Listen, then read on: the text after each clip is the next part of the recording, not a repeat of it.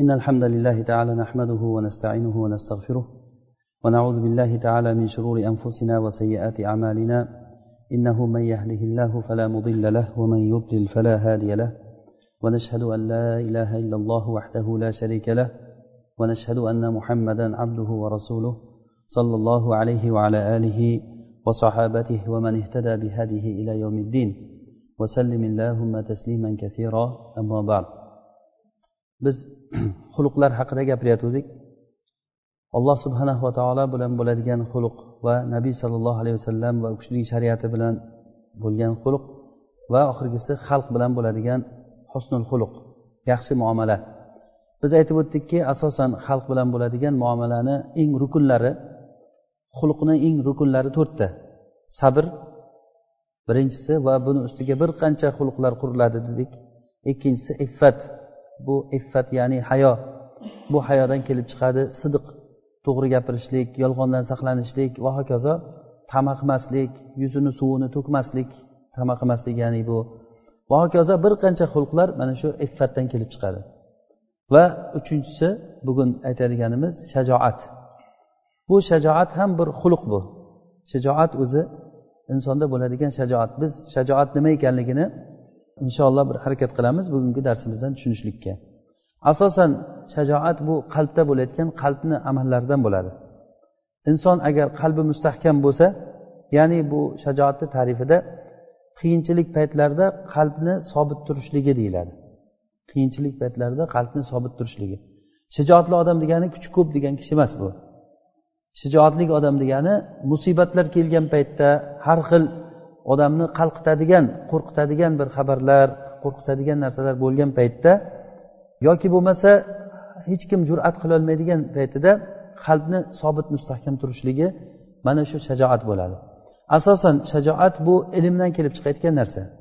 Biz aytmoqchi bo'lgan shajoat ilmdan ya'ni inson qalbida qanchalik darajada ilmi mustahkam bo'lsa uni shajoati shunchalik darajada mustahkam bo'ladi.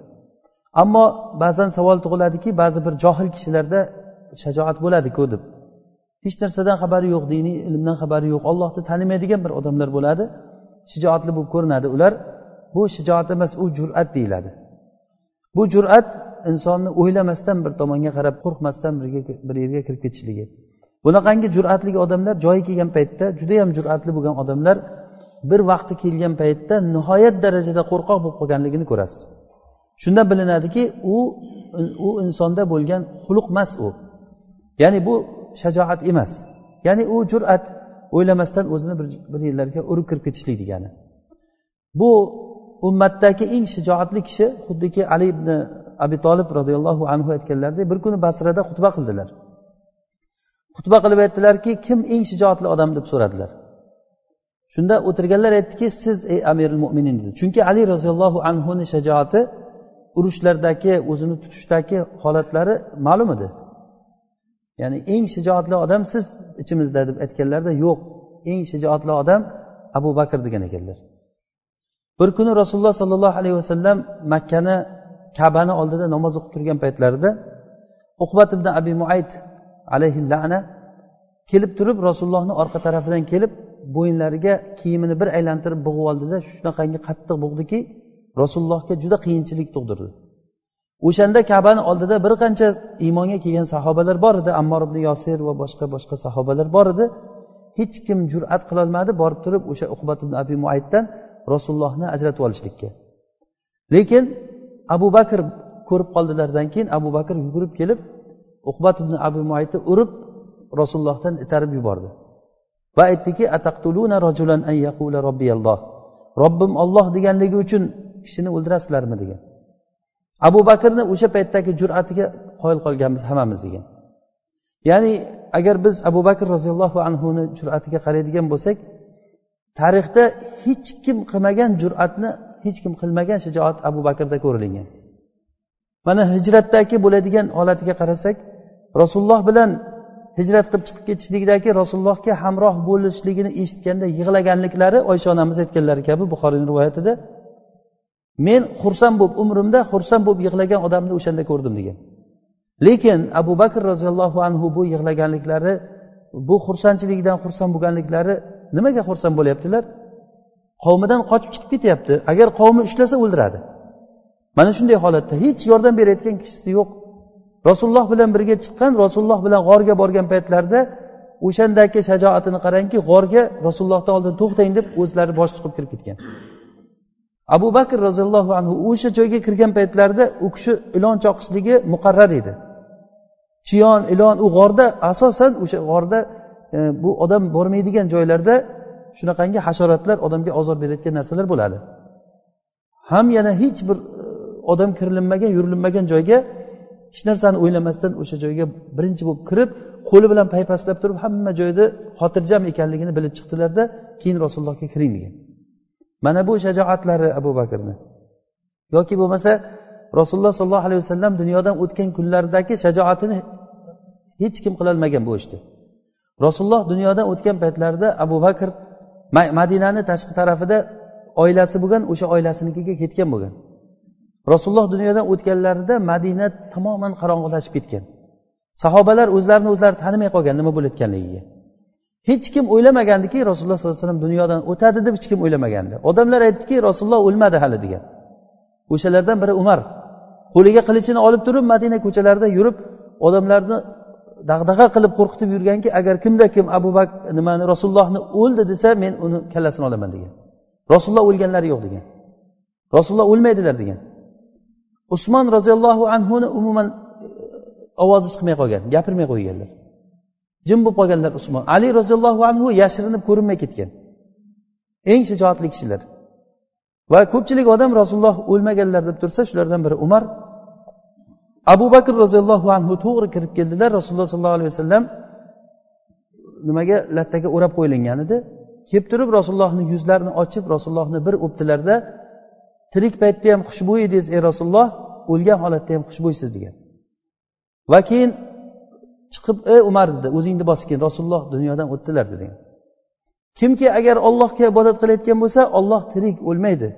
Agar kim muhammadga ibodat qilayotgan bo'lsa muhammad o'ldi degan vama muhammadun illa rasulun qad xolat min qoblihi rusul afa immata aw qutilan qalabtum ala aqobikum mana shu oyatni o'qidilar. Muhammad sallallohu alayhi vasallam faqat bir payg'ambar xolos. Agar u kishi o'ladigan bo'lsa yoki o'ldiriladigan bo'lsa sizlar murtad bo'lib orqaga qarab ketyapsizlarmi deganlar. Mana shu paytda hamma madinadagi hamma odamlar mana shu oyatni o'qib qoldilar. Umar roziyallohu anhu aytadilarki go'yoki shu oyatni hozir eshitgandayman degan. Shuncha o'qiganlar lekin bu bu haqda hech o'ylab ko'rmagan ekanlar. Ya'ni shu paytdagi abu bakrni jasorati abu bakrni jur'ati u kishini ilmi hamma sahobalardan ko'ra ustun ekanligini bir marta isbotlab ko'rsatib berdi. U kishi jasadida ancha zaif bo'lgan boshqa sahobalardan ko'ra. Ya'ni jasoratda jur'atda jasoratda bu shajoat deganligimiz urush maydonlarida ko'p odam o'ldirish degani emas bu. Eng odamlarni jasoratlisi eng shijoatli kishi rasululloh edilar. Lekin rasululloh sollallohu alayhi vasallam urush maydonlarida qancha odam o'ldirganlar? Bitta odam o'ldirgan rasululloh sallallohu alayhi vasallam uhud g'azotida. Ya'ni e, ubay ibn xolaf al jumahiy degan kishi alayhi minallohi ma yastahiq o'sha odam qasam ichib kelganki yo men muhammadni o'ldiraman yo muhammad meni o'ldiradi.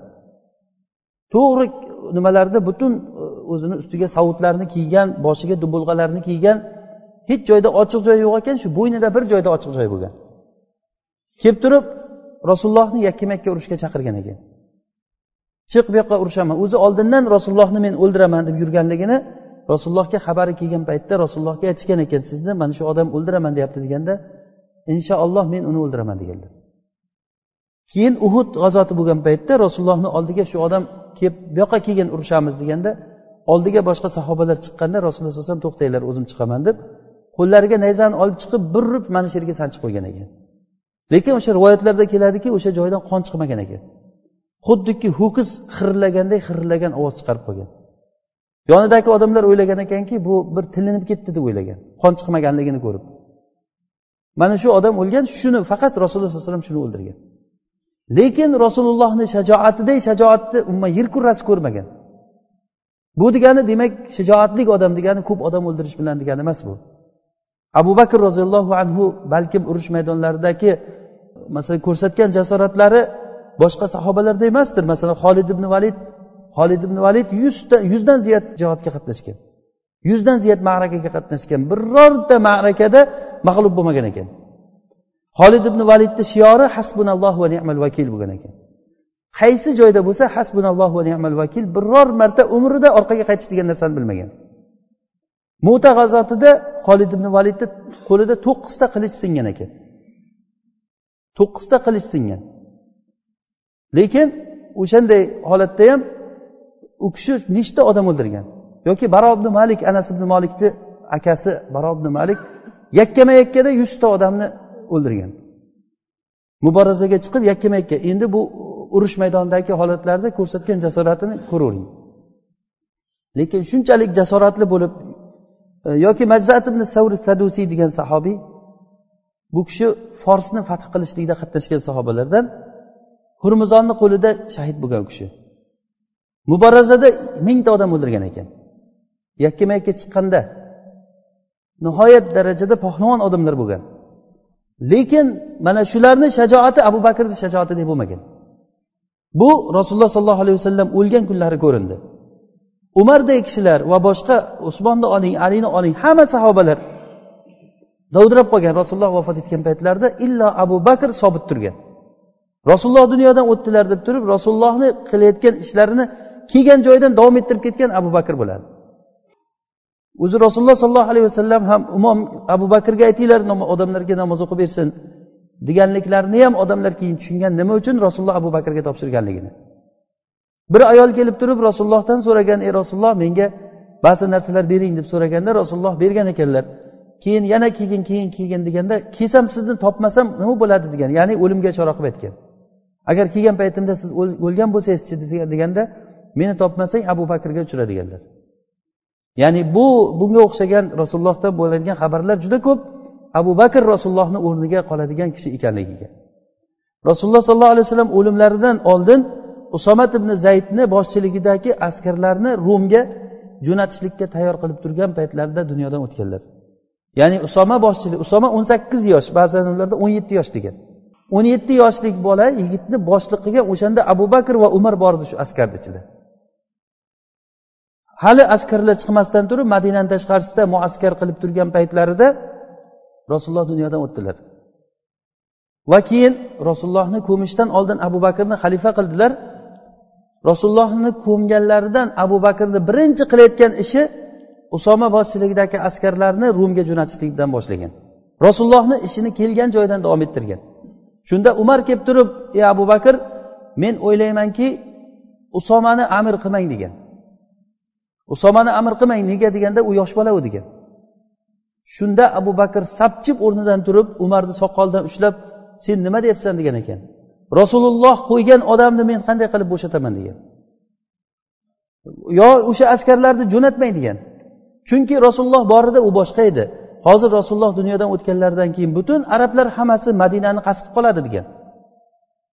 Biz katta qo'shinni agar rumga jo'natadigan bo'lsak bu yoqdan madina madina ochilib qoladi deganda vallohi agar kelib turib kuchuklar kelib turib meni oyog'imni tishlab tursa ham askarlar jo'nataman degan.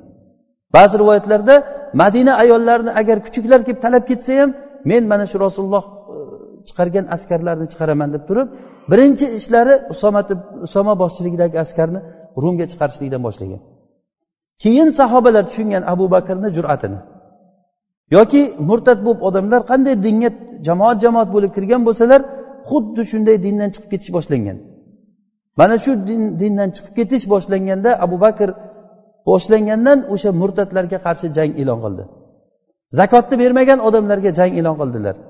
Shunda umar ibn hattob kelib turib ey abu bakr ular namoz o'qiydi ular qanday qilib namoz o'qigan odamlarga qarshi urushasiz? Deganda abu bakr aytdilarki vallohi agar rasulullohni davrida berib yurgan bitta orqonni ba'zi rivoyatlarda bir echkini bolasi deyiladi. Iqol deb turib o'shani tarjimasida har xil gaplar bor. Agar rasulullohni davrida berib yurgan bir orqonini agar menga bermasa men o'sha odamga qarshi urush qilaman degan. O'sha abu bakrni fikri bir o'zini fikri shunday bo'lgan qolgan hammani fikri boshqacha bo'lgan. Lekin keyin tushundilarki abu bakr qanday odam ekanligini keyin bilishdi. Bu narsalarni hammasi abu bakrni qalbidagi ilmi abu bakrni shajoati edi. Abu bakr roziyallohu anhu yana takror aytamizki u kishi jussada umarday baquvvat kishi bo'lmagan va boshqa sahobalarday baquvvat bo'lmagan. Zubayr ibn avom agarda u kishi otga minsa oyoqlari yer chizib yurardi deyilgan. Shunchalik katta baquvvat odam bo'lgan. Otga minganda oyog'i yerga tegib turgan. Askarlar ichida tursa xuddi o'sib ketgan daraxtdek bo'lib turgan. Pahlavon katta odamlar bo'lgan. Ham jasoratli jur'atli pahlavon odamlar bo'lgan. Lekin o'shalar ham joyi kelgan paytda abu bakrni oldida hech narsa qilolmay qolgan. Abu bakr roziyallohu anhuni jasoratlari u kishini qilayotgan ishlarini agar bir tarixini varaqlaydigan bo'lsak nihoyat darajada u kishida bir shajoatni ko'ramiz. Bu xuluq bu shajoat nimadan paydo bo'ldi? Bu shajoat bu xuluq ilmdan paydo bo'ladi. Ya'ni ollohga bo'lgan gumonni chiroyliligidan paydo bo'ladi. Agar kimda kim ollohga bo'lgan ilmi chuqur bo'lsa ollohni haqiqatan olloh taoloni tanisa mana shu odamda shajoat bo'ladi. Abu bakr rasulullohni yonida yurgan odam bo'lgan. Rasululloh qanday fikrlasalar abu bakr xuddi shunday fikrlaydigan odam bo'lgan. Hudaybiya sulhidagi abu bakrni gaplarini aytgan edik eslaringizda umar ibn hattob kelib rasululloh sollallohu alayhi vasallam umra qilamiz deb tushimda ko'rdim men umra qilishligimizni deganlarida hech kim shak shubha qilmagan bo'ldi umra qilamiz deb. Katta tayyorgarlik bilan ehromlar bilan kelishdi hudaybiyaga kelgan paytda mushriklar man qilishdi ular. Shunda o'rtalarida o'n yilga tinchlik sulhi bo'ldi. Mana shu sulhdan keyin shu yil umra qilmasdan qaytib ketishlik bo'ldi shu sulhni ichida. Sahobalar qaytib ketishlik paytlarida rasululloh sollallohu alayhi vasallam bo'ldi umradan umra qilmasdan ketamiz deganda bu juda qattiq botdi hammaga. Hattoki umar ibn hattob rasulullohni oldiga borib turib ey rasululloh siz tushimda ko'rdim degan edingiz endi qanday umra qilmay qaytib ketamiz? Ular mushriklar bo'lsa biz mo'min bo'lsak nima uchun biz xorlikni bo'ynimizga olib turib qaytib ketishimiz kerak endi? Deganlarida rasululloh aytdilarki vallohi men ollohni rasuliman. Alloh taolo hech qachon u olloh menga yordam beradi alloh taoloni buyrug'iga men osiy bo'lmayman dedilar. Va umar rasulullohni oldidan chiqib turib abu bakrga uchragan paytda abu bakr ham rasulullohni gaplarini xuddi shu harfma harf gaplarini aytib bergan. Vallohi u kishi ollohni rasuli u kishi ollohga osiy bo'lmaydi alloh taolo albatta u kishiga yordam beradi degan. Nima uchun bunchalik darajada qalblar bir biriga o'xshash bo'ldi? Tashabahat qulubuhum deganday alloh taolo yaxshilikda ham qalblar bir biriga o'xshaydi odamlarniki yomonlikda ham qalblar bir biriga o'xshaydi. Bu qalbni o'xshashligi bu ilmdan ollohni tanishlikdan bo'ldi. Alloh subhanahu va taoloni biz agar sifatlari va alloh taoloni ismlari sifatlari ollohni koinotda qilayotgan ishlari orqali ollohni qanchalik tanisangiz shunchalik ollohga ishonch paydo bo'ladi. Ollohga bo'lgan ishonch ollohga bo'lgan tayanch suyanishlik insonda mana shu shajoat xislatini shajoat sifatini beradi. Bu tavakkul ya'ni alloh taologa tavakkal qilishlik xulqi insonda paydo bo'ladi. Bu shijoat va tavakkul qalbni amallaridan. Inson tilida men shijoatliman deb million martalab aytsa ham shijoatli bo'lib qolmaydi. Yoki qog'ozga necha martalab yozing men shijoatliman deb u shijoatlik bo'lib qolmaydi. Tavakkal qilish ham xuddi shunday. Inson qalbida ich ichidan ollohga bo'lgan tayanch ollohga bo'lgan suyanch bo'ladi. Ollohga inson qanchalik suyansa shunchalik darajada u insonda tavakkal kuchlik bo'ladi. Bu suyanishlik alloh taologa suyanishlik ollohni tanishlik barobarcha bo'ladi. Agar kim ollohni qanchalik tanisa gumoningiz ollohga qancha bo'lsa qiladigan amalingiz qalbni amali ham tashqaridagi amal ham xuddi shunday bo'lib kelib chiqaveradi ollohga bo'lgan gumon bu ya'ni ollohga bo'lgan gumon e, husnul zonni billah deyiladi arab tilida ollohga gumonni chiroyli qilishlik. Bu gumon agarda yomon bo'layotgan bo'lsa yomonlikni rukni shu. Agarda gumon ollohga bo'lgan gumon yomon gumon bo'layotgan bo'lsa yomonlikni rukni shu. Biz o'tgan darslarimizda aytgan edik eslasanglar jaholatni jaholat asrini rukunlari to'rtta. Rukunlari to'rtta arkanul jahiliya. Shulardan biri zonnul jahiliya. Johiliyat gumoni. Bu ollohga bo'lgan gumonni noto'g'ri gumon qilishlik. Agar biz bilsak bu narsani nihoyat darajada katta bir ilmni eshigi biz uchun ochiladi bunda. Ollohga bo'lgan gumonlaringiz qanday? Uni teskarisi ollohga bo'lgan gumon yomon gumon bo'lsa agar billah yomonlikni agar to'rtta oyog'i bo'lsa bittasi shu. Zonnul jahiliya va hamiyatul jahiliya hukmul jahiliya va to'rtinchisi tabarrujul jahiliya. Bu to'rtalasi ham qur'onda kelgan.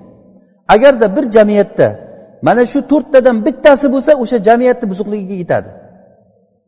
Agarda shu to'rtta narsadan ollohga bo'lgan gumonni yomon qilishlik va tabarrujul jahiliya ayollarni johiliyatda yurgandaqa ko'chada ochilib sochilib yurishligi ayollarni ochilib yurishligi ko'chada bu johiliyat asrini rukunlaridan bitta rukun bu. Nega bu rukun deyilgan? Agar o'ylab qaraydigan bo'lsak biz rukun deb nimani aytamiz? Mana shu imorat bo'layotgan bo'lsa imoratni rukuni mana shu ushlab turgan narsa rukun bo'ladi. Hozir mana shu rukun agar yiqiladigan bo'lsa nima bo'ladi? Uni ustiga qurilgan qancha narsalar mana shu rukunni ustida turadi. Rukun deb shuni aytadi.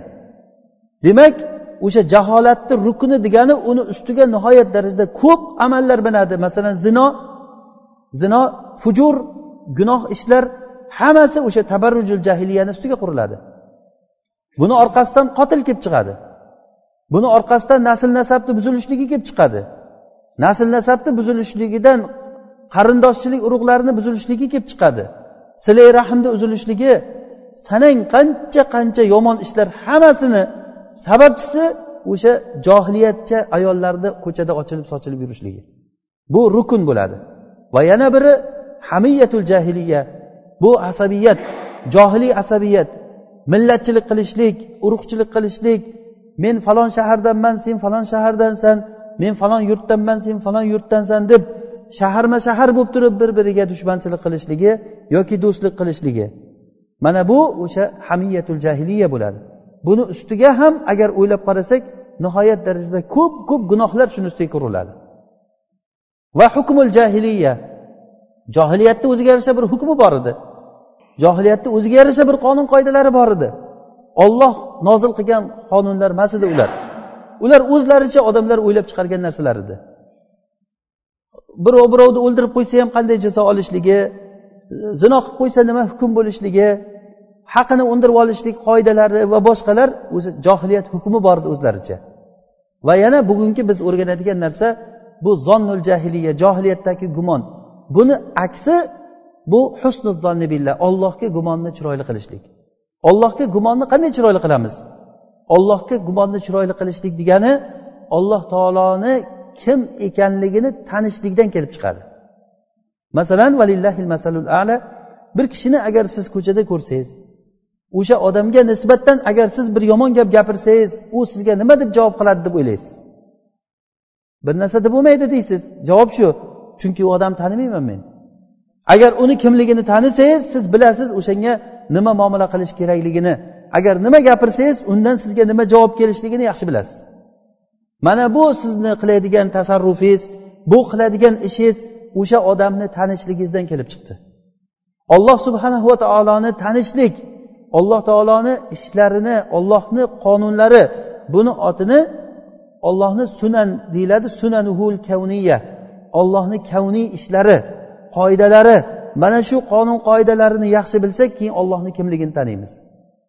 O'sha uchun ham alloh subhanava taolo kitobida o'zini tanitdi.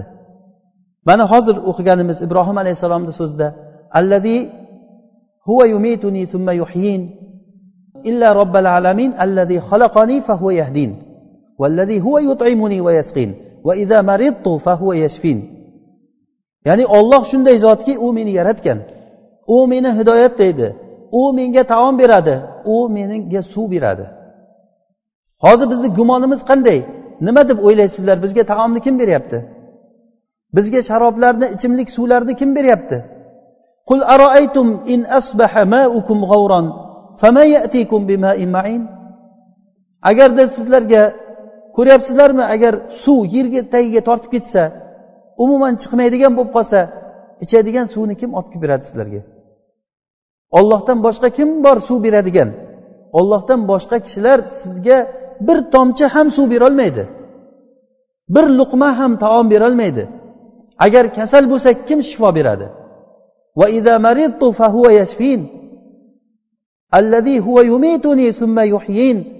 U zot meni o'ldiradi va o'sha zot meni tiriltiradi. Qiyomat kunida meni xatolarimni kechirishligini men umid qilaman degan. Mana ollohni tanishlik. Ollohni har bir holatda ollohga suyanishlik. Kasal bo'lsangiz ham esingizga olloh kelsin. Hattoki oyoq kiyimni ipi uzilib ketsa ham shikoyatingiz allohga bo'lsin. Bunaqangi narsa bo'lishligi bir kun ikki kunda bo'lib qolayotgan masala emas bu. Bu ilm o'rganishlik bilan bo'ladi. Ilm o'rganish deganda alloh subhanahu va taoloni tanishlik bilan bo'ladi. Ollohni fe'llarini alloh taoloni qiladigan ishlarini tanishlik. Mana hozir e, biz suralarda qancha takror va takror payg'ambarlarni hikoyalari kelyapti. Lut alayhissalomni qavmini alloh taolo shunday chappa qildi teskari qildi. Bachchavozlik qilganligi uchun. Bachchavozlik qiladigan odamlar akramakumulloh ya'ni bu ishni qilayotgan odamlar gumonicha alloh taolo bizni azoblamaydi deb o'ylaydimi? E olloh o'zi kechiradi deb o'ylaydimi? Agar o'ylaydigan bo'lsa mana shu zonnul jahiliya bo'ladi. Qiyomat kunida alloh taolo do'zax ahlini azoblashligi haqida gapirib aytadiki يوم تشهد عليهم ألسنتهم وأيديهم وأرجلهم بما كانوا يكسبون qiyomat kunida ularni qo'llari oyoqlari ularni butun a'zolari ularni qilgan ishlariga guvohlik beradi yoki fussilat surasida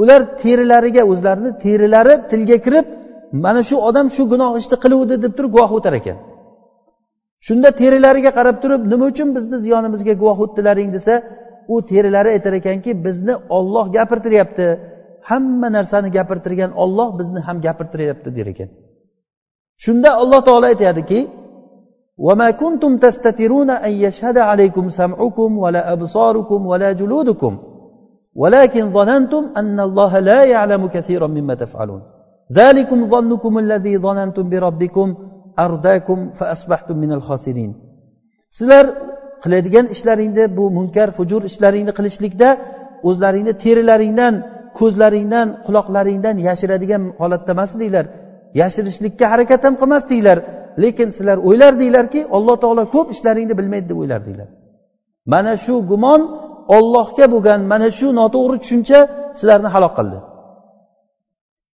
odamlarda ko'pchilik johil odamlarda olloh istisno qilgan odamlar bundan mustasno. Ko'pchilik odamlar ollohni tanimaganligidan ollohga nisbatan gumonlari boshqacha.